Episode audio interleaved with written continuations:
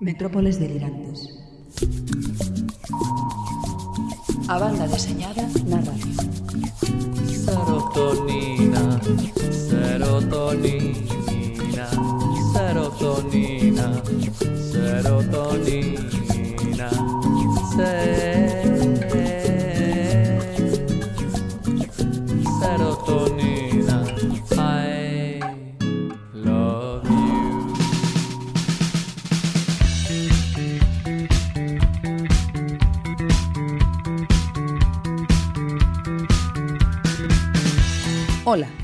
Son Nieve Rodríguez e aquí comeza a 73ª emisión das Metrópoles delirantes.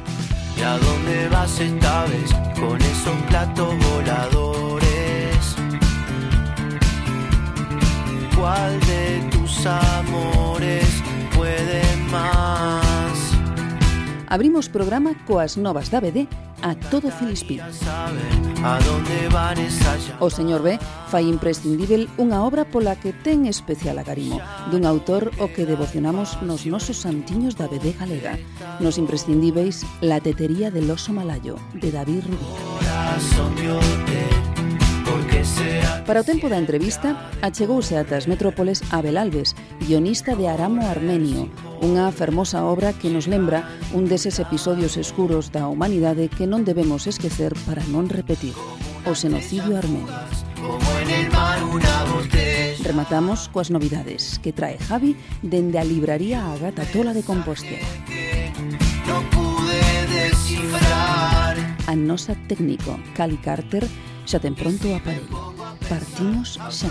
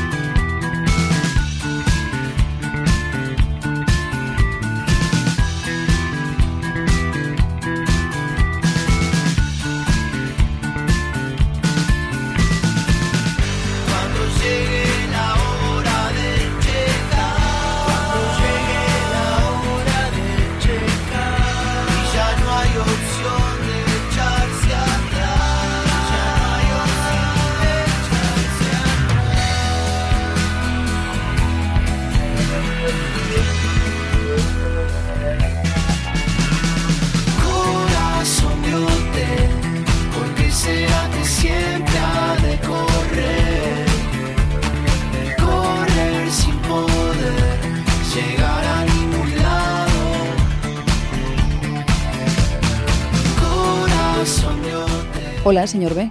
Hola. Que tal? Ben. Ben. Sí. Esta semana que vai facer? Ten algo pendente na súa xenda? Teño que baixar a Cans. A Cans, o Festival de Cans, quere dicir, non? Festival no? de Cans, sí. Bueno, como todos os anos, iso non é novedade. Non. bueno, pois xa a volta xa contará que tal lle foi. Se sí, teño voz para contarlo, sí. Bueno, Home, chegue cunha pouquiña, polo menos para facer o programa e para dar parte do que aconteceu no Festival de Cans. Agradeceremoslle moito esa, esa deferencia. Vostede cree? Sí, eu penso que sí. Eu creo que non. bueno, pois nada, eh, recomendamos que se acheguen todo aquel que queira e poida ata o Festival de Cans esta fin de semana que paga moito a pena. E seguimos adiante. En cuestións de lecturas varias, eh, leu vostede algo últimamente, señor B? Lin La balada del norte pode ser? A balada del norte eh, tomo dous. Eh, e que tal? Non no sei por qué, non sei por qué, iba a pasarme a cabeza los surcos del azar. Pois non sei, como teñen así unha, un trasfondo así non bélico, nada, ¿no? pero teñen un trasfondo bélico, pois pode ser que se lle vai a cabeza por aí. Pero foi eh, La balada del norte, tomo dous, non? La balada del norte, tomo dous, sí. De Alfonso es, Zapico. Es, espectacular, é como todo o que fai Zapico. Absolutamente recomendable, absolutamente maravilloso e absolutamente dinámico, trepidante, ben contado, ben dibuixado, como sempre, bueno, ben editado. Uh -huh. Interesante, moi interesante. O único malo é que agora hai que esperar dous anos para ou un ano, non sei o que tardará en sacar o seguinte. sí, porque ao final vai ser unha triloxía. En principio mm. iban a ser dous libros, pero agora ao final parece ser que van ser tres, e o peor vai ser eso. E empecé a ler outro. E que, e que empezou que a ler? Que non ten nada que ver, el, el Sheriff de Babilonia. E que tal? Bueno, que levo, é? levo pouco, eh, pois pues non me acordo os autores, porque é un cómic americano. Eh.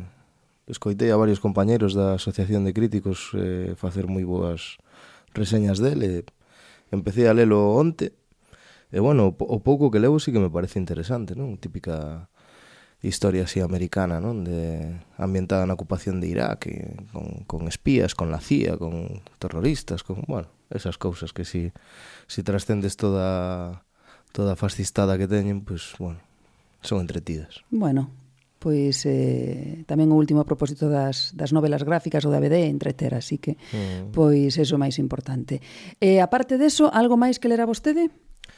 Eh, no. Non, non? De cómic non. Bueno. Leo máis cousas tamén. pero, pero o resto pero non nos interesa. Non, son pertinentes. Non, non, non nos interesa este para nada. Non, non, non, non, outro contexto sí. Bueno, pois agora imos entón cas novas a todo Filispín. Non si? Sí? Sí, empezamos por eh, os premios Coruxa do Humor que siga aberto o prazo de presentación de proxectos para estes premios que convocan o Museo do Humor e o Concello de Fene. A temática dos proxectos eh, a enviar será libre dentro do ámbito do humor gráfico nas modalidades de mudo, texto ilustrado ou viñeta. Os participantes só poderán presentar un proxecto e terán que ser orixinais de creación propia, inéditos e en lingua galega, aínda que tamén poderán presentarse proxectos nas linguas oficiais do cooficiais do Estado, sempre cando se adxunte unha traducción ao galego. O prazo de presentación remata o vindeiro 30 de maio. Eh, tedes máis información e todas as bases en www.fene.gal e tamén na páxina das metrópoles tamén hai unha entrada que fala desto. Moi ben, pois aí queda. Non perdades de conta esa data final que é o 30 de maio para presentar eses proxectos. Eh, imos agora cara ao noso país irmão, Portugal, porque aí temos unha cita para a BD. Sí, Unha cita para non perder coa banda deseñada portuguesa, o vindeiro 26 de maio inaugúrase o Festival Internacional de Banda Deseñada de Bexa, que se desenrolará ata o 11 de xuño no casco histórico da cidade.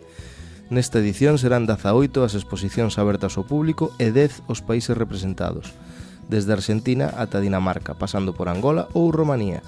Alén das exposicións, o festival ofrece aos visitantes unha programación paralela con presentación de proxectos, conversas sobre BD, concertos deseñados e máis cousas. Se estades interesados, tedes máis información en festivalbdbella.com. Pois aí está, que sorte os que poidan ir ata Portugal e desfrutar desta, deste festival que seica é ben bonito e ben agradable de disfrutar. E bueno, e tamén outra cita, pero xa dentro do territorio español. Sí, Tamén neste mes de maio, en Valencia, do 26 ao 28, vanse celebrar as sextas, eh, sextas xornadas de cómic de Valencia no mercado da tapinería. Desta volta, a Asociación Valenciana de Cómic prepara tres espazos para as exposicións, para os stands e para as charlas. Eh, a programación abranguerá todos os temas do cómic, dende o crowdfunding, fanzines, novela gráfica, editores, presentacións, obradoiros, mesas redondas e moitas cousas máis. E o máis importante, pensado para todos os públicos. O cartá desta edición é obra de outro dos nosos santiños, que uh -huh. é Sento Llobel. Sento. Máis información e toda a programación na súa páxina de Facebook e tamén en mercadodetapinería.com. E xa para rematar, temos que poñer unha nota de atención a todos aqueles que no seu día non chegaron facerse cun exemplar de aventuras de un oficinista xaponés. A todos aqueles que cometeron o craso error de non facerse cun, con un exemplar de aventuras dun oficinista japonés. Por que? Porque o reedita Astiberri. Ai, que ben eh, se non lembro mal, creo que co mesmo prezo que saleu, é dicir que no non, mesmo non, formato. non lle afecta a inflación, non? E no mesmo unha formato, boa, unha boa nova. Mesmo formato, eh, bueno, creo que é un, un deses cómics eh, absolutamente recomendável, eh, absolutamente imprescindible en calquer bedeteca, sí. que vale para todos os públicos, un cómic eh, mudo, sen texto, e non lle fai falta eh, absolutamente delicioso de José Gráficamente é unha verdadeira pasada. Que, por certo, que... eh, xa estamos xa, xa foi tempo que non saca nada José Domingo, non? Bueno, acaba de sacar unha obra, el debuxando e eh, cunha guionista eh, falando, non me hables de política.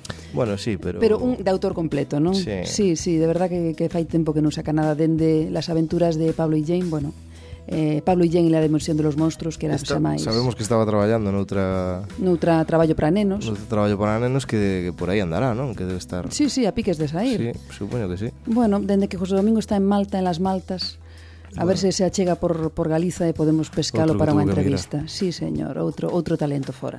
Bueno, pois aí queda. Se, como dio o señor B, eh, cometestes ese craso error, agora podedes emendalo coa nova edición de Asteberri de Aventuras de un oficinista japonés de José Domingo. Bueno, señor B, tiramos para diante. Sí, eu sou facendo maleta para casa. Vale, pois nada, vémonos por ali entón, porque eu tamén baixarei. Comezamos xa. Metrópoles Delirantes. A banda deseñada na radio.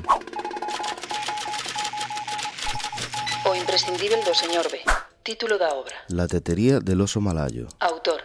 David Rubín. Editorial. Astiberri. Ano da primeira edición. 2006 Formato. Rústica con solapas. Interior branco e negro. Capas a cor. Número de páxinas. 184 Xénero. Drama. Lingua. Español. Prezo. 18 euros en papel 5 euros en digital. Sobre a obra. La tetería del oso malayo é unha compilación de varias historietas publicadas en Dos veces breve, aínda que tamén inclúe algunhas inéditas como Las cosas que terminan por romperse.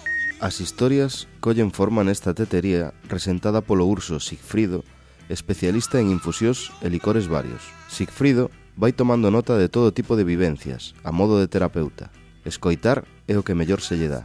O amor e o desamor, filial e de parella, a lealdade, as lembranzas máis emocionantes e a busca dunha saída para evitar o naufraxio do individuo son os temas que toca un David Rubín intimista e poético. A obra está concebida como un álbum unitario de historias encadeadas e, aínda que, como xa dixemos, combinan historias inéditas con outras xa publicadas, Rubín redebuxa estas coa finalidade de darlle unha uniformidade estilística. A violencia está moi presente nesta obra, xa que, como di o autor, é inherente ao ser humano, Ademais, aquí está o servizo da narración. David Rubín foi premiado por esta obra no Saló do Cómic de Barcelona na categoría de Mellor Autor Revelación. Tamén foi finalista do Premio Nacional de Cómic no ano 2007. Sobre o autor. Naceu en Ourense no ano 1977. Despois de estudar deseño gráfico, comeza a súa carreira como animador na Ourensá Limaia Produccións e chegou a ser director de animación na productora coruñesa Digra. Foi cofundador do colectivo Polaquia en 2001 e debutou cunha historia curta escrita por Quique Benjoc no álbum colectivo Mmm. Contou con series propias nas principais revistas galegas, B de Banda, Varsovia e Golfiño, e foi un dos autores que máis contribuiu á segunda época da revista Dos veces breve. El Circo del Desaliento, publicada por Astiberri no 2005, foi o seu primeiro álbum persoal, onde incluía en castelán a historia onde ninguén pode chegar, editada en galego por Lea no ano 2006. A partires deste La tetería del oso malayo, David Rubín comeza unha carreira sempre á alza cunha produción continuada ata a actualidade. Entre as súas obras están El héroe con guión propio, Beowulf con guión de Santiago García e Gran Hotel Abismo con guión de Marcos Prior. Dende o ano 2014, David Rubín ven traballando para o mercado estadounidense dun xeito ininterrompido. Debuxou dous volumes de Aurora West, con guión de Paul Pope, la ficción, con guión de Kurt Pires, e recentemente Éter, con guión de Matt Kind. Dende 2012 non edita unha obra como autor completo, mais xa anunciou que está a traballar nun guión propio.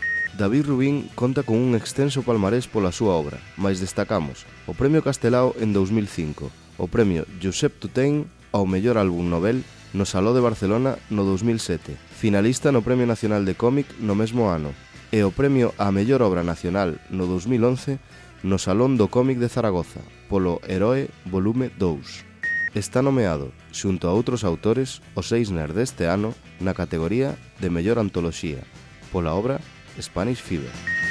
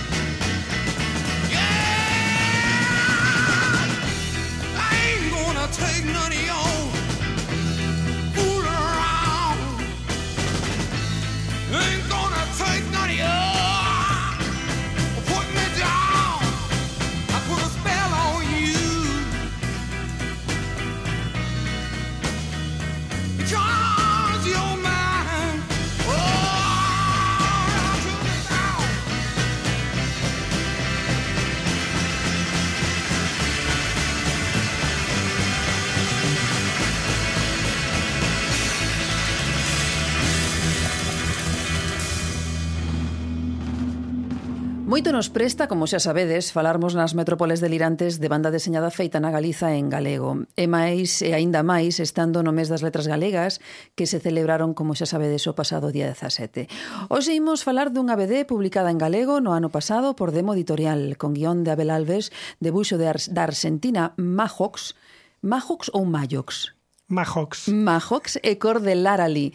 Hoxe traemos en riba desta mesa Aram o Armenio e para parolar sobre el ao galego deste triunvirato, Abel Alves. Abel, benvido ás Metrópoles, un placer terte con nós para, para falar de cómic en galego. Sí, moitas gracias. bueno, Abel, ti es de Ferrol, porque temos sí. moito que contar ainda antes de, de chegar a Aram sí, o Armenio. Sí. Abel, ti es de Ferrol, es humorista gráfico e guionista, sí. e aínda que comenzaches a túa carreira aquí, non? Colaborando uh -huh. co diario Galicia Hoxe, cunha tira cómica semanal Portugal e facendo webcomics, tiveches que marchar da terra para recalar en Uruguai. Que te empuxou a sair da Galiza e por que Uruguai? Bueno, pois eh, eu son, aparte de, de adicarme ao tema dos guións e, e do cómic, eu son delineante, Isto, isto de irme para Uruguai xurdiu no, no ano 2011-2012, por aí. Eh, eu quedei sin traballo, eh, xurdiu a oportunidade de ir para lá, para Uruguai, traballando nunha empresa española que facía eh, unhas barcazas para, para o Mar de Plata. Eh, estiven ali traballando un, un par de anos nesa empresa, logo noutra, eh, en total cinco anos estiven ali É dicir, que, que emigraches por necesidade, como a todos sí, os que sí. emigramos da Galiza en algún momento, non? Eh, efectivamente. por traballo. E foi ali, en Uruguai, onde desenrolaches o grosso da túa produción de BD, non? Sí. Onde publicaches Zombes, uh -huh. dúas entregas, como guionista e debuxante, e Sangre e Sol, facendo neste caso só o guión. Ademais, para esta última obra, acadaches un premio do Ministerio de Cultura sí. de Uruguai para a súa edición. E no 2015 fuchos elixido para representar a Uruguai na Feira do Libro de Bolivia. Foi sí. así, non? E de, o que non acadache aquí, deron cholá en Uruguai, non? Pois sí, a eh? veces eh? pasa, a veces pasa iso de que un eh, profeta fora da súa terra, non? Uh -huh. Pero sí, sí, a verdade é que eh, tiven sorte, eh, bueno, tamén me movín un pouco ali, claro, o mercado da, da banda deseñada é, é bastante eh, está menos menos desenvolvido que aquí en, en España, non? Entón, eh, digamos que facerse un oco é un poquiño máis fácil Pero bueno, eh, tamén moitas veces se, se ven que, que ves de fora xa é como que Sí, como dicen, sí. ai, este vende fora. Como que che dan máis importancia ¿no? da sí, que tes. Sí, sí, é igual que cando triunfas fora e ves para casa, que aquí parece que estás máis valorado, non? Sí, que bueno, aí ese tipo de cousas todavía funcionan, non? Sí. É dicir que te sentiches a gusto ali, non? Sí, sí, sí. Non hai do da banda deseñada. Sí, sí, moi a gusto. E como está o panorama da banda deseñada ali? Hai vos autores, eh, bo nivel? Sí, sí, hai hai mos, mm, moi moi bo nivel e moi bons autores, o que pasa que hai moitos autores que están traballando para o estranxeiro. Claro. Hai autores que traballan para Estados Unidos, algún que traballa para Europa, e o que é o mercado da, da banda xeñada uruguaya, digamos que, claro, é un país que ten 3 millóns de habitantes, eh, prácticamente un millón e medio está na capital e o resto no interior. Entón, claro, eh, ten moi pouco público, para, para o mercado que en realidade teñen, uh -huh. que, que non é un mal mercado, teñen a a AUCH, que é a Sociedade de Creadores de Historieta de Uruguai, que, que fai un, un traballo moi bo, e vai por ferias de, de toda Latinoamérica, e a verdade é que fan un traballo moi bo, xa che digo, para o público que teñen, eh, fan, fan cousas que, que son envidiables. Eh? E interesantes, non? Sí, pois haberá que poñerse a elo tamén sí. a investigar o que se fai en, en Uruguai, que aparte que é un país maravilloso e Montevideo a súa capital é eh, estupenda. Sí, sí, Así sí. que eu estuve en ali eh, ah, traballando sí. tamén. Ah, mira. mira, poderíamos charlar sobre isto, pues pois pero bueno. Eh, bueno, unha curiosidade antes de entrar xa en Arango o Armenio, unha curiosidade a comentar o respecto do cómic Sangre Sol. Uh -huh. Esa obra eh, da que ti fixeches o guión, non? Sí. Eh, o debuxo que no fixo Naús. Uh eh, -huh. eh, é na... un debuxante uruguayo. Sí, é un debuxante, non, é argentino. Argentino, non? Sí. Caramba, tes aí teima cos argentinos, xa contarás despois. Sí, sí. bueno, pois con respecto a este cómic, a obra trata das aventuras dun bandoleiro galego que viaxa a Xapón a mediados do século XIX. A XIX, e varias das páxinas están en galego. Están, sí. E eu leíate a ti nunha entrevista que decías que isto que fora un fito na historieta de Uruguai, xa que, bueno, ali apenas se difunde a cultura galega, alén dos tópicos, non? E, e aínda menos a lingua galega. E eu pregúntome, como pode ser coa cantidade de migrantes galegos que hai ali, non? Eh, eh, que, que teñen un centro galego que é o sí. máis antigo do mundo e que se fai ainda moitas actividades. Como é isto? A ver, eh, fanse moitas actividades e hai como unha comunidade grande, o que pasa que é como unha comunidade moi cerrada que fan cousas entre eles, pero non para fora, dame uh -huh. a sensación polo menos.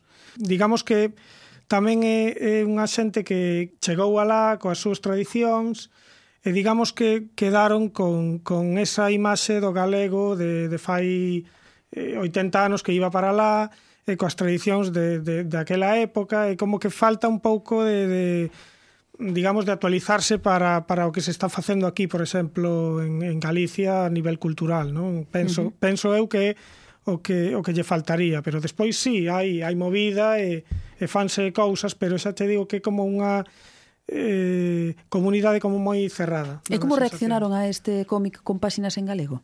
Ben, ben, sí, sí, sí, sí, sí ademais son un par de páxinas, e enténdese moi ben, eh, eh, digamos que queda ben na historia Está ben integrada. Está ben integrado, sí, creo que, que todo o mundo entendeu perfectamente, sí, sí. E para cando publicala en galego aquí? Pois a ver, a ver cando. Sí. Que xa temos ganas de, eh, a ver, a ver, sí, sí, cando, sí. xa que Arán o Armenio está en galego, pois eh, esas sí. aventuras dun dun galego en Xapón, caramba. Bueno, algo diso, algo diso pode haber, eh, non con esa obra, pero sí co, co, co personaxe que é protagonista desa obra está, estou facendo algo que, que a ver, que bueno, non se sabe. Falamos despois, sí. vale, sobre, sobre ese tema. Mello, sí. E agora eh, falamos de Arango Armenio. En no 2015 comenzas a escrita do guión desta obra, unha historia para reivindicar o exterminio do povo armenio a mans do Imperio Otomano.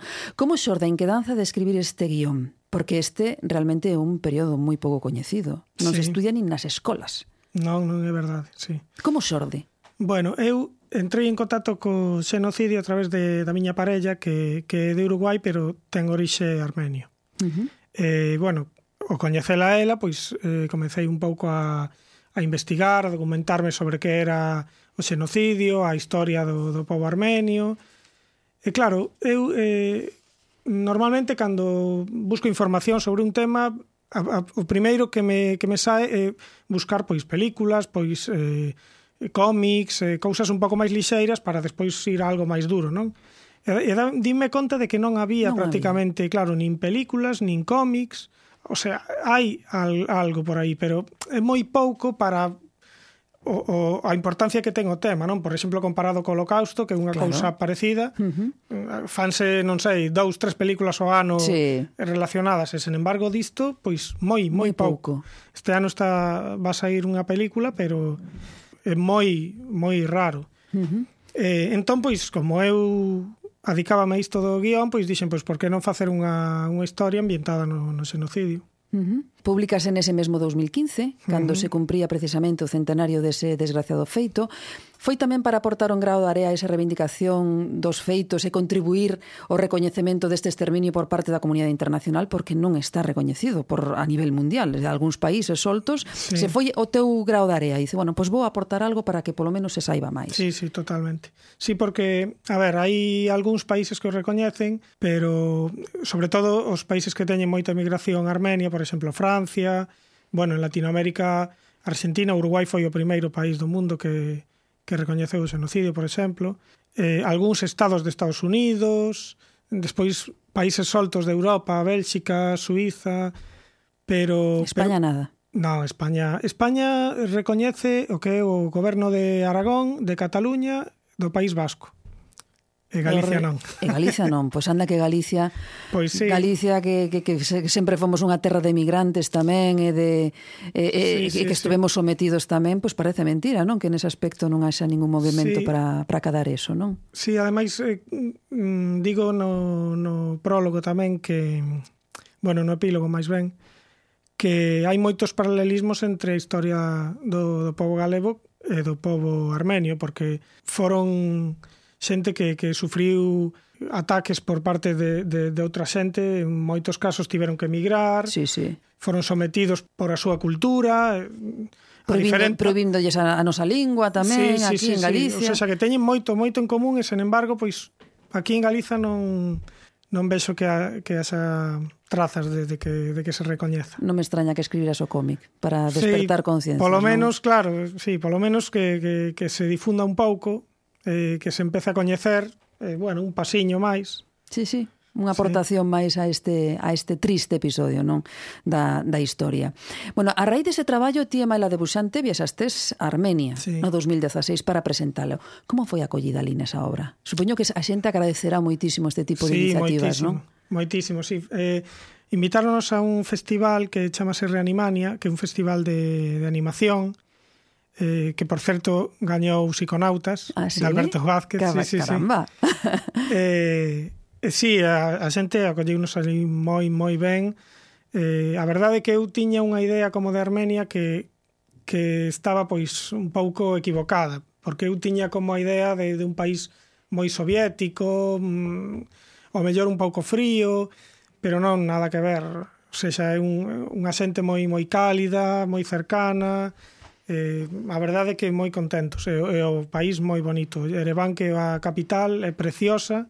A min lembrábame a París moito. Caramba. Sí, sí, sí. Moi europea entón. É que teñen unha forma de vida moi europea, a verdade. Uh -huh. Eu, eu tiña outra outra Concepción, idea e ¿no? cambioume totalmente. Claro, sí, claro. Sí, sí.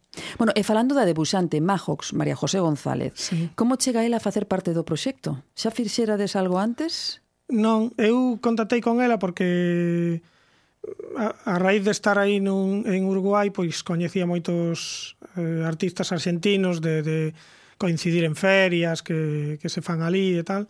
Parecíame que ela tiña como un estilo que podía pegar con...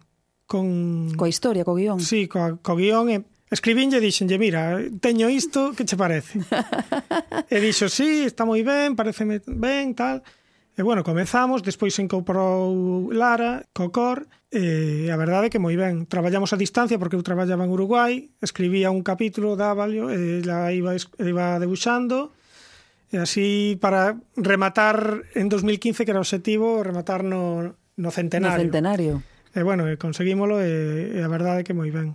Ti dende Uruguai, sí. ela dende Argentina, ela era ali dende onde? Dende Argentina tamén. Dende sí. Argentina tamén, sí, que tamén é Argentina, non? Elas dúas son, son amigas. Ah, eh? vale, vale, vale. Sí, sí. Elas tiño máis fácil entón, tiñan. Sí, xa traballan xuntas en outras, en outras cousas, e xa teñen Unha máis historia, relación, sí. sí, non? Bueno, e que tal a relación profesional? É dicir, eh, ela fixose cargo toda da parte gráfica e non quixo ningunha inxerencia ou pola túa parte poideches colaborar e aportar e, bueno. Si, sí, nós temos a confianza como para eu pois recomendar algún cambio no debuxo, ela recomendar cambios no guión. De feito, estamos traballando agora noutro guión e eh, ela pois escríbeme sen ningún problema e dime, mira, isto que escribiches aquí, mellor non. Eh, uh -huh. non vai non non pasa nada, non hai problema e e o mesmo revés, eu ao mellor que pouco lle tiven que dicir porque a verdade é que como como debuxante eu a miña experiencia é limitada ela ten moita máis e sabe moito mellor o que o que hai que debuxar e como hai que debuxalo así que pouco pouco, pouco que tiven que aí, corregir ¿no? por corregir entre comillas porque non é corregir é Aportar. Aportar ou propoñer, máis ben, claro. Uh -huh. E a paleta de cores tamén a lexiuela, non? Porque está moi sí. moi acertada, non? Ses, sí, sí, esas sí. cores terrosas, así, eh, moi acorde con ese escenario que é o deserto. Soamente hai unha pinguiña de cor, nada máis, ao final, que non imos desen, claro. desvelar por sí. qué, pero esa, o cor tamén foi cousa dela, non? Sí. De, de Lara Lee, non? Sí, sí, entre Lara e, e Majos foron os, as que decidiron o tema artístico, eu deixeilles liberdade total e a verdade é que moi ben. No, no, o resultado é É maravilloso, uh -huh. sí. Bueno, o guión combina perfectamente, bueno, pois esa dureza, no, dos dos feitos, non, que que transcorren hai aí algunha situación, como dis ti, bastante dura, non, eh, pero que ao mesmo tempo tamén combinas cun tono de aventuras. Sí. Supoño que tamén para que todo o mundo se achegue e que non sexa, Dios mío, de empezar a chorar claro, dende a primeira claro. páxina e non parar ata o final, non? Sí, sí, sí, a idea era iso, eh? o que che comentaba ao principio de que de que moita xente quere achegarse a estos feitos históricos pois dunha maneira un pouco máis amena, non? Pois a idea era contar unha historia con ese trasfondo, máis que facer o mellor un traballo documental que, que pode ser máis complicado para, para chegarse a primeira vez para a xente que non saiba nada da, do xenocidio, non? Entón a idea era esa, era como un achegamento, eh, un trasfondo eh, da, do xenocidio, pero cunha historia de aventuras que, que pode ser comprendidas en necesidade de, de saber en que consistiu este feito histórico con antelación. É dicir, ti, eu poñoche isto aquí e agora se che interesa... Claro, claro descubres ti pola tua Efectivamente. banda. Pois está moi ben, está sí, moi ben plantexado. Bueno, e os personaxes. Eu, a min o que me chamou a atención moitísimo é dende que a primeira folla ata o final, os personaxes, como dicilo, a ver, nin, non sonríen nunca, eh, todo un, un, un ambiente opresivo, eh, sempre están sufrindo. Eh, de, tiñalo claro que tiñas que deseñar así os personaxes, porque dende a primeira páxina. É dicir, non hai lugar nin, sí. nin para humor, non hai nada, nada. É dicir, está todo como moi moi por esa liña, non? Salvo o final tamén, non? Cando sí. aparece o cor tamén aparece o sorriso, pero sí, tiñalo eh, claro que tiña que ser así. É que cando un se mete a estudiar un pouco o tema do xenocidio e tal, eh, é complicado sacar algo que non sexa triste diso porque temos moitas historias, tanto Majos como eu, que falan de bueno, de, de cousas terribles que, que todavía non, claro. non están incluso porque parecíanos demasiado fortes para para o cómic e tivemos que cortarnos. Caramba, pois pues aí hai cousas pues, pois, non te podes imaginar as cousas que, que nos contaron e as cousas que vimos, e fotos, e bueno, cousas terribles. E, e bueno, dentro do que cabe, quixemos pois eh, reflexalos en tampouco facer un comic gore, porque prácticamente dábanos para iso. Eh? Uh -huh. sí. O prólogo está escrito polo escritor e xornalista galego José Antonio Gurriarán, non? E ninguén sí. mellor que el para este mandado. Contanos por qué. Sí, eh, Gurriarán, bueno, para que non o coñeza, pois é un periodista galego que recibiu o impacto dunha bomba que iba dirixida ao, ás aerolíneas turcas, se non, se non me equivoco. E, bueno, impactaron eh, preto de onde estaba el, eh, ferírono nas, nas pernas. A bomba a, a colocou o Esala, que era o antigo exército de, de liberación armenio, que era, digamos, un, un comando terrorista que reivindicaba pois precisamente todos estos feitos do xenocidio, e, e etcétera, non? E, bueno, Gurriarán foi afectado por esa bomba e a raíz daquilo foi que el eh, comezou a investigar acerca do xenocidio, acerca da historia armenia, e curiosamente fíxose como un fervente eh, admirador da causa armenia, eh, aínda a pesar de que foran os armenios os que, os que lle puxeran a bomba. Eh, moveu ceo e terra ata que chegou a, a dar cos, cos eh, terroristas que puxeran a bomba, para intentar convencelos de que deixaran as armas e de que de aquel non era o camiño, eh, entrevistouse con eles, bueno, el ten unha, un libro que se chama A Bomba, que precisamente sae en forma de película este ano, uh -huh. eh, que, que fala de todo toda esa historia, de como buscou a esa xente, de como a, a contactou, Bueno, é eh, unha historia, a verdade, que merece, sí, sí, merece a pena estamos, ser lida. Eh? Pois, eh, polo que estamos escoitando, merece a pena investigar un pouco máis sobre ese feito tamén que, que lle sí. aconteceu a, a este periodista, que é galego. É galego, sí, é, galego, de Ourense. É de Ourense, sí. non? Bueno. E despois deste Arán o Armenio, voltas para aquí para Galicia, estás traballando en algunha BD ou non? Sí, Sí, bueno, como eh, che contaba sí, como, antes... como adiantabas, sí. non? Hai uns minutiños. Eh, estou facendo algo co mesmo personaxe que, que Sangre Sol, pero digamos que comezando de cero con unha nova historia que estaría ambientada na Coruña do século XIX e onde saen personaxes como Eduardo Pondal, como Murguía, Rosalía, Caramba, Pardo Bazán. É unha historia tamén de aventuras. Sí, sí. E todos estes personaxes como que se ven envoltos nunhas aventuras e nunhas wow. cousas así tamén con un pouco con fantasía, bueno, a ver, a ver que, que tal sai. E a debuxante vai ser tamén Majox? Non, é outro debuxante que se chama Esteban Tolg, que, que tamén ten un estilo moi moi europeo, moi de aventura eh, tipo Tintín ou Blake Corto Mortimer. Maltés, sí, sí. Sí, sí, moi liña clara, non? Sí, sí, sí, moi liña clara e a verdade é que moi a min gustame moito. Bueno. A ver, eh, a ver que eh, tal sai eh, a cousa. E vai estar implicado aí Demo Editorial ou non? Creo que sí. Bendito Demo Editorial. Manel, sairá... se, se escoitas isto. e sairá en galego. Claro, por supuesto. Home, maravilla, por supuesto. Sí, sí, sí. maravilla. Aí, menos mal que está San Manel sí, aí que edita cousas en galega, que, sí, eh? que é o único que, que, que edita en galego agora sí, mesmo. Sí, a verdade é que a situación fai un traballo moi bo, eh? eh espectacular. Nós xa estamos votando en falta porque levan cin, levamos cinco meses deste ano e ainda non editou sí. nada e estamos tirándonos dos pelos, a ver que pasa. A ver, algo sairá por aí. Bueno, pois pues moi ben. Pois, Abel, Eh, convídote a, a quedar outra vez nas metrópoles sí, cando, cando saques a seguinte obra. Cando queiras. Eh? sí, sí, eu encantado. Placer, foi un placer te, Igualmente. parolar contigo. Igualmente. E xa saben, Arán o Armenio, se queredes saber algo máis do xenocidio deste povo a mans do Imperio Otomano. Grazas. Metrópoles delirantes. A banda deseñada na radio.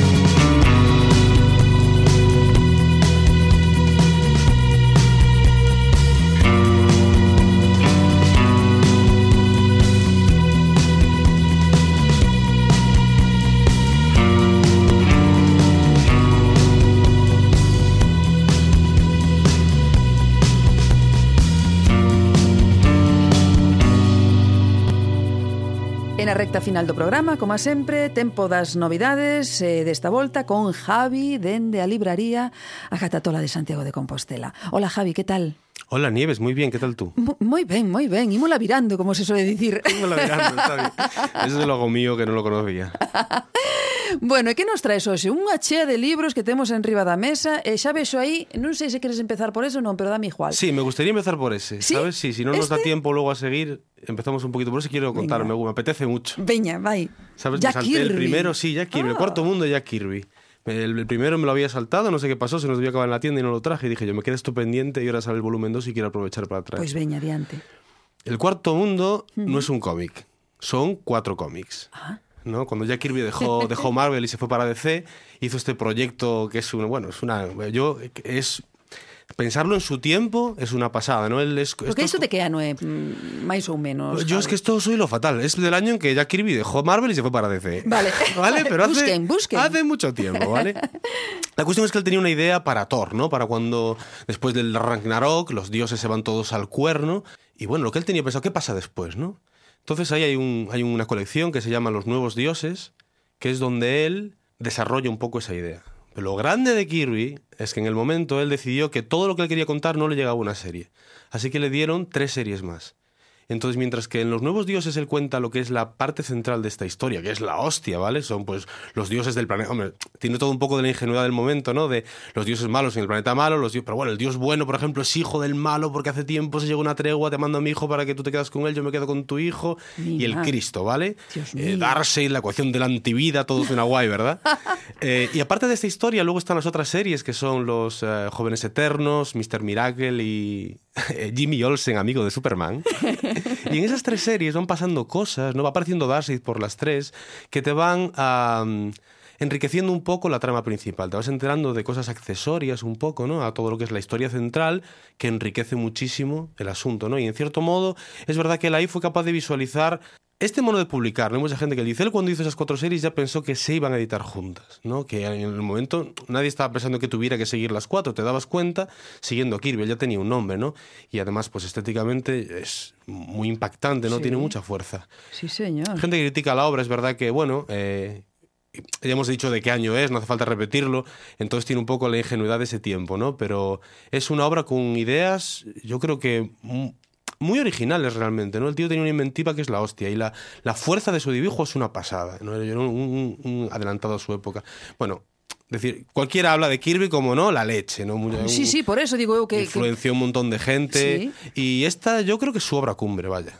¿Sabes? cuarto Eh, mundo. El cuarto mundo. de Jack Kirby. E, e estaba un pouco así sorprendida cando dices tú, bueno, hai xente que o critica por esta obra e tal, e que eu nunca escoitei a ninguén falar mal de, de Jack Kirby. No me refería a criticar a Kirby tanto como criticar la obra. Ah, a obra. ¿no? Sí, un poco quizás por A, eso. a súa por- concepción. Yo creo que es un poco eso, la ingenuidad de, pues el malo es súper malo que te cagas, ¿no? Quiero decir, Darcy es, es la maldad pura y dura, los buenos son muy buenos. Entonces estas cosas, pues bueno, hay gente que le molestan. Anda. Pero bueno, yo creo que va, también tiene un poco rollo mitológico esto, ¿no? La mitología también está bien que el malo sea malo, pero malo, ¿no? Sí, sí, no, no medias tintas, malo, concho. No, y comentaba antes que no, no creo que sea el cómic más entretenido del mundo, pero creo que merece la pena por lo menos ah, conocerlo y echarle un vistazo.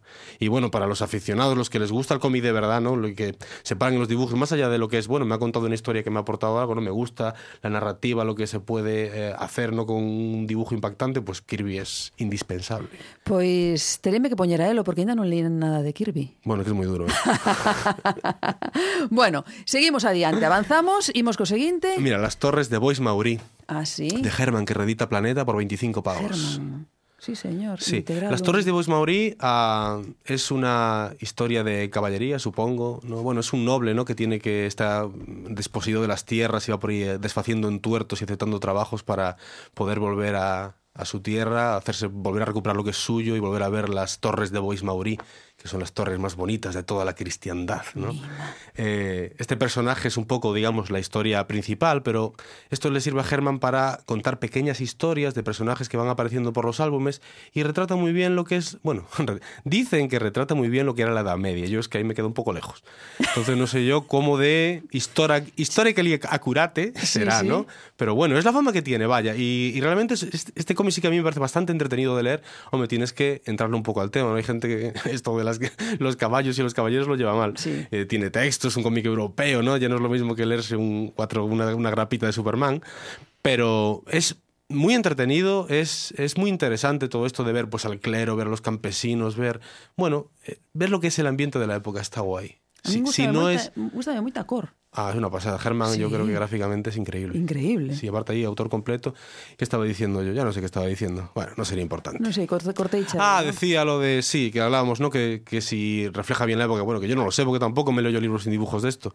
Pero sí que te llega, ¿no? Parece realista. Vaya, dices tú, esto podría ser así. Podría ¿no? ser así, ¿no? Sí, me recordó mucho al Lobo Solitario, cuando vas con Itogami por ahí haciendo de Sahamata, pero que por el, por el camino se va encontrando gente que te cuenta cómo funciona un poco el Japón feudal, ¿no? Y a mí eso me parece muy, muy interesante, muy entretenido. Pues aquí está estas las torres de Bois Mori, Oh, pues gracias. sí, sí, de Herman, eh, Planeta Cómic, Integral 1, é dicir que hai máis. eh, Sí, vai son también máis. varios ciclos, ¿eh? no hay por qué seguir. Es cierto que luego el- em, más adelante se pone la cosa un poco más fantástica, pero bueno, el- yo creo que el primer tomo se puede leer perfectamente. Además está editado moi ben, eh? Moi está ben editado, moi 25 chulo. pavos, sí, eh, non é nada señor, caro. está ben, está ben, Mm. está moi ben. Seguimos, avanti tutti. Eh, que pon aquí? Ah, Cage. Cage. De Gendy Tartakovsky. Sí. ¿Y este quen é este señor? Non Pues ese señor es lo único que importa de ese cómic. Más allá ¿Sí? de la historia, no. Jenny Tartakovsky es un, eh, un es productor, director. A él te ha trabajado sobre todo en animación, ¿no? Eh, lo más famoso supongo que será el laboratorio de Dexter, igual te suena. No. Bueno, da igual, ¿vale? El tío ha hecho animación. A mí lo que me ha impresionado de este hombre ha sido las Clone Wars. Las Clone Wars, la serie de animación de Star Wars que ah, va entre la- el ataque de los clones y la venganza de los Sith, ¿vale? Que es Ajá. realmente increíble, ¿eh? muy adulto, impresionante y... Ya estás tú estás viendo el cómic ahora, ves que gráficamente es otra cosa, ¿eh? Sí, señor, completamente distinto que estábamos Sí. ata agora, eh? Entonces, más allá de que la historia de Cage pueda resultar más o menos entretenida, yo creo que visualmente es una cosa muy, muy distinta. Yo estaba esperando mucho este cómic. Eh, me aficioné a este hombre, aparte por las Clone Wars, por las supernenas, porque él es productor de la, de la, de la serie de dibujos. ¿Ah, sí? Sí, yo se lo ponía a mi hija porque decía yo, quiero que vea serie con chicas, ¿no? Y realmente la me sorprendió lo adultos que son algunos capítulos de las supernenas, ¿no? Eh, los temas que llega a tratar. Y el aspecto gráfico, la, la estética, al principio eh, fue una cosa que me tardó un poco en entrar, pero a fuerza de verlo resulta muy impactante y me gusta mucho.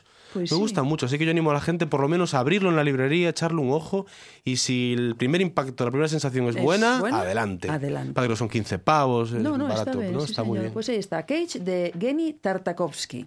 Ah, este, un, noruego en el Un camino, noruego de, en el Camino de Santiago. Santiago de Estábamos Jason. agardando por esto. ¿Ah, sí? eh? Sí. Pues fue muy curioso porque justo esta semana, bueno, esta semana, an- poco antes de llegar el cómic, me entró un mexicano, ¿vale? Que venía, sí, sí, aparte que había dejado allí su vida en México, emocionado con España, un tío muy agradable, y me estuvo contando así un poco, ¿no? Su aventura en el camino, y justo él vino con un noruego, que me decía, gente fría, ¿eh? Gente fría los noruegos. Y yo pensaba, el único noruego que conozco yo es el Jason este, y frío, joder, como el hielo. Como un y, témpano. y, sí, y aquello creo que se le va un poco la cosa hacia el sentimiento, ¿eh? ¿Qué Parece que no es, sí, sí, Sí. no demasiado, ¿no? Él siempre tiene esas caras, esas expresiones, que todos sus cómics es como, esta gente siente emociones, pero aquí como debe ser algo ya más personal, porque, ¿no? Él haciendo el camino y tal, pues ahí a veces, uy, uy, que se le escapa. uy, uy, uy. y aparte a mí me gustó mucho leerlo, ¿no? Hablando sitios que conoces y tal, siempre es más, eh, eh, le entras más a la historia, ¿no? Pues aquí está este Un noruego en el camino de Santiago de Jason o Jason, ¿cómo es? Yo digo Jason, pero Jason, Jason ¿no? me parece bien. Jason suena mejor de Jason. y los argonautas. Jasón y el camino los de Santiago. bueno, temos tempo para un máis Está o señor Beaí, si, veña, vai Ah, Ben. é editado por Astiberri Astiberri, sí. Como sempre moi ben editado E o seu traballo tamén é impecable E agora, oh, oh, Mira, aquí oh no com- te traje oh. esto, que esto me, ¿Y me gustó esto? mucho en su momento. Quítale ahí la fundita de NCC, Sí. 40 pavos, pero ves que es una gran edición, ¿eh? Pero 40 pavos que pola funda esta que podes quitar ou tal No, sin la funda creo Ah. que se consigue por 38, pero bueno, merece la pena. La funda merece la pena. 40 pavos, chicos. Eh, Oye, está bien, sí, es señor. una pasada. Y aparte, es yo para mí es el mejor cómic que se puede tener de Alex Ross. Alex Ross es un tío, sobre todo por las portadas, ¿no? Es más famoso, ha hecho alguna otra cosa, pero es verdad que siempre peca un poco de estático para mí, porque es, bueno, muy realista. Échale un ojo por dentro, lo verás. Y, y en Kingdom Come tiene un dinamismo que para mí no tienen el resto de sus cómics, ¿no? Kingdom Come nos presenta el universo DC Wow. muchos años en el futuro, ¿no? Por cosas que no voy a contar ahora. Bueno, los superhéroes están, algunos en activo, algunos retirados. Y, y algo sucede que tienen que, bueno, tienen que ponerse a trabajar otra vez, ¿no? Superman tiene que, que aparecer otra vez y hacer lo que mejor hace. Epiquérrimo. O sea, una Pero- pasada. pero- tiene pero momentos... eh, gráficamente tamén Sí, sí, es. mm, Tiene. Quizás cuando, cuando se intentaba hacer un cómic de superhéroes un poco más adulto, porque se pecaba un poco de narrativismo en el sentido de texto y contar más cosas más que enseñarlas a veces. Pero este cómic tiene, tiene un ritmo que yo creo que, que es espectacular, el dibujo del Ross es una maravilla y la historia es increíble, muy bonita. Merece mucho la ECC. pena. Bueno, ECC está tirando agora por esas edicións así espectaculares. ECC tira de todo. Si no, este con esta funda maravillosa, Sacan o outro día, o outro día truxeras tamén aquel do reloxo. Ah, E el de Sandman, sí, o de sí. Sandman que que bueno, que era espectacular tamén, así que aí está ECC. Sí, la variedad de ediciones que tiene CC en No, cuestiones no. de tapa dura, tapa blanda, É- tenemos grapa, tenemos... Sí, sí, sorprende, sorprende. Bueno, Lo deben pues estar haciendo muy bien o muy mal. No sé. Home, si siguen así, muy bien, ¿eh? Muy si bien, consiguen sí, mantener señor. esto... Sí, sí, sí, sí, señor. Bueno, pues deixámolo aquí. Javi. Bueno. Vale. Vale, me dejo el Pues, resto de la maleta, queda para otro día. Veña, eh? deixámolo para outra vez. Pois nada, Javi, moitísimas gracias eh, por A estas recomendacións. Aparte, me deu así un pouco de susto ao principio que me dixo non traio nada con debuxos. Digo yo, como? Es que esta semana he empezado a leer libros otra vez. Lo había Anda. dejado hacía ¿Sí? un par de años y he empezado a leer libros ahí duramente otra Sin vez. dibujitos. Sin dibujos. ¿Y qué tal? Pues bastante bien, ¿eh? Sí. Sí, sí, estoy sorprendido. Ai, Javi, moitísimas grazas. Venga, Un saludo para Santi. Veña, chao. Me echaron droga Delirante. en el colacao. Rematamos esta viaxe pola banda deseñada que comezaba, como é habitual, coas novas da BD. O señor B trouxo outra BD dun galego os imprescindíveis, La tetería del oso malayo, unha obra certamente interesante de David Rubín que recomendamos ler con paixón e un xa quentiño. Con Abel Alves falamos da súa obra Aramo Armenio, editada por Demo Editorial, un libro que reivindica a historia dun pobo que foi asoballado e case aniquilado, pero que aínda resiste. As novidades chegaron dende a libraría a Gata Tola de Compostela e viñeron nos petos de Javi, o libreiro que é quen de ler a Aerosmith e escoitar a Jodorowsky. Máis banda deseñada no Twitter en arroba metrópolesd e tamén en metrópolesdelirantes.com. E lembrade, lede banda deseñada e pasade polo Festival de Cans, que no mundo tamén pasan cousas boas. Metrópoles Delirantes. A banda deseñada na radio. He construido castillos en la arena tan hermosos que me conformaría que las olas de mis penas los derribaran y así por fin poder dormir en sus ruinas. He construido mis noches en días en que las risas eran muecas sin alegría y sobre los cimientos de mis pensamientos con ladrillos de tiempo fabriqué mis pesadillas.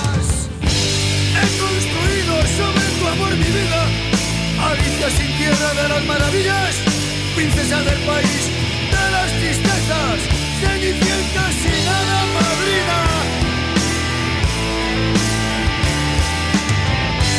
He construido mil horas vacías, pensando la suerte está en contra mía. Pozo negro de mi vida rota, el ramón de esta cadena partida. Y sin saber de qué. Esperando al mensajero que nunca aparece. Un día más largo que un siglo.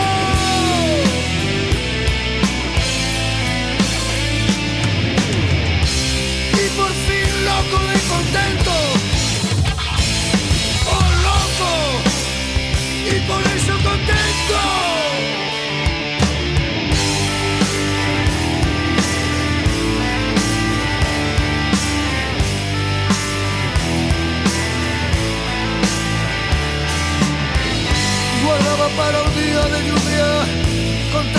Secretos, fatalidad repetida, pero nunca y siempre hoy se mezclan. Todo está cerrado para mí, maldita ventanilla. Nadie ve nada, nadie escucha nada, quizás porque no hay nada que ver y nada que oír, solo los pasos de la procesión de los días.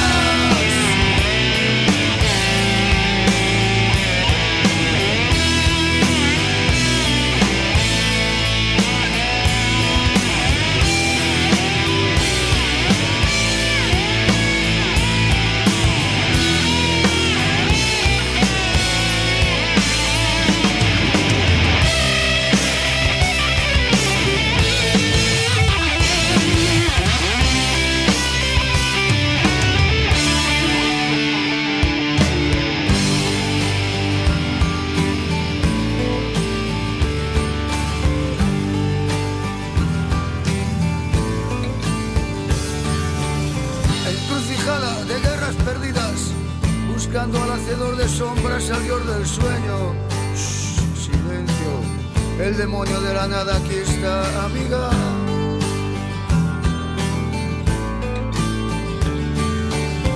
Corazones rotos, lo que quiere el mundo para continuar con su gira que gira. He olvidado que las manos del diablo reparten las cartas para jugar esta partida. Siempre con miedo y sin saber de qué.